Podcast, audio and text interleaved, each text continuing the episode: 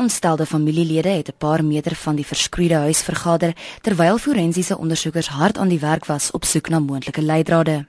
Die polisie ondersoek hier voort en word deur 'n span speurders gelei. Die familie wil hê geregtigheid moet geskied en die oortreders moet gestraf word.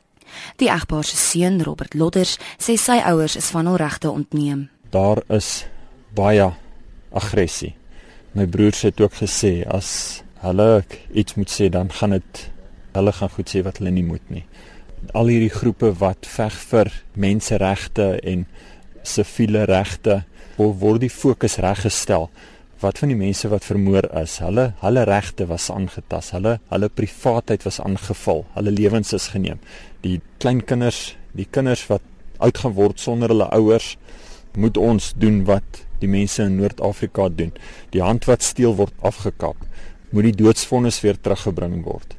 So dit is die groter groter prentjie. Die die vraag waar is die die mense se wat doodgemaak is se regte? Dit is hulle ontneem, dit is hulle nie eens gegee nie. Inwoners van die gebied sê hulle leef nou in vrees omdat die moordenaar steeds op vrye voet is. Die aanval op die lotters is die derde plaasaanval in 3 weke. Die woordvoerder van die buurtwag, Corneynel, sê hulle werk saam met die polisie om die veiligheid van inwoners te verseker. I can't tell you how worried we are. It's not possible for us to to get there in time. So unfortunately when we get there it's already been done. And it's so unfortunate all these happenings around our area.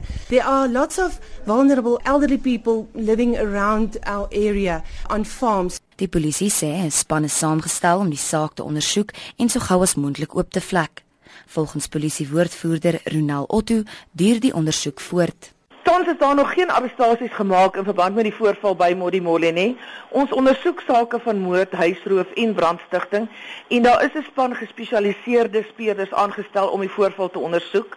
Hulle volg tans uh, leidrade op en inligting wat hulle ontvang het, maar geen amptelike arrestasies is nog gemaak nie. Polisie teenwoordigheid in die gebied is steeds sterk.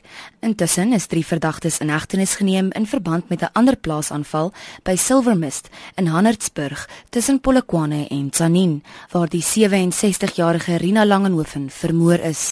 Die verdagtes was glo in besit van selfone en skootrekenaars wat aan haar behoort het. Hulle sal na verwagting donderdag voor die Polokwane Landdroshof op aanklagte van moord verskyn. Die verslag deur Witness Stiva.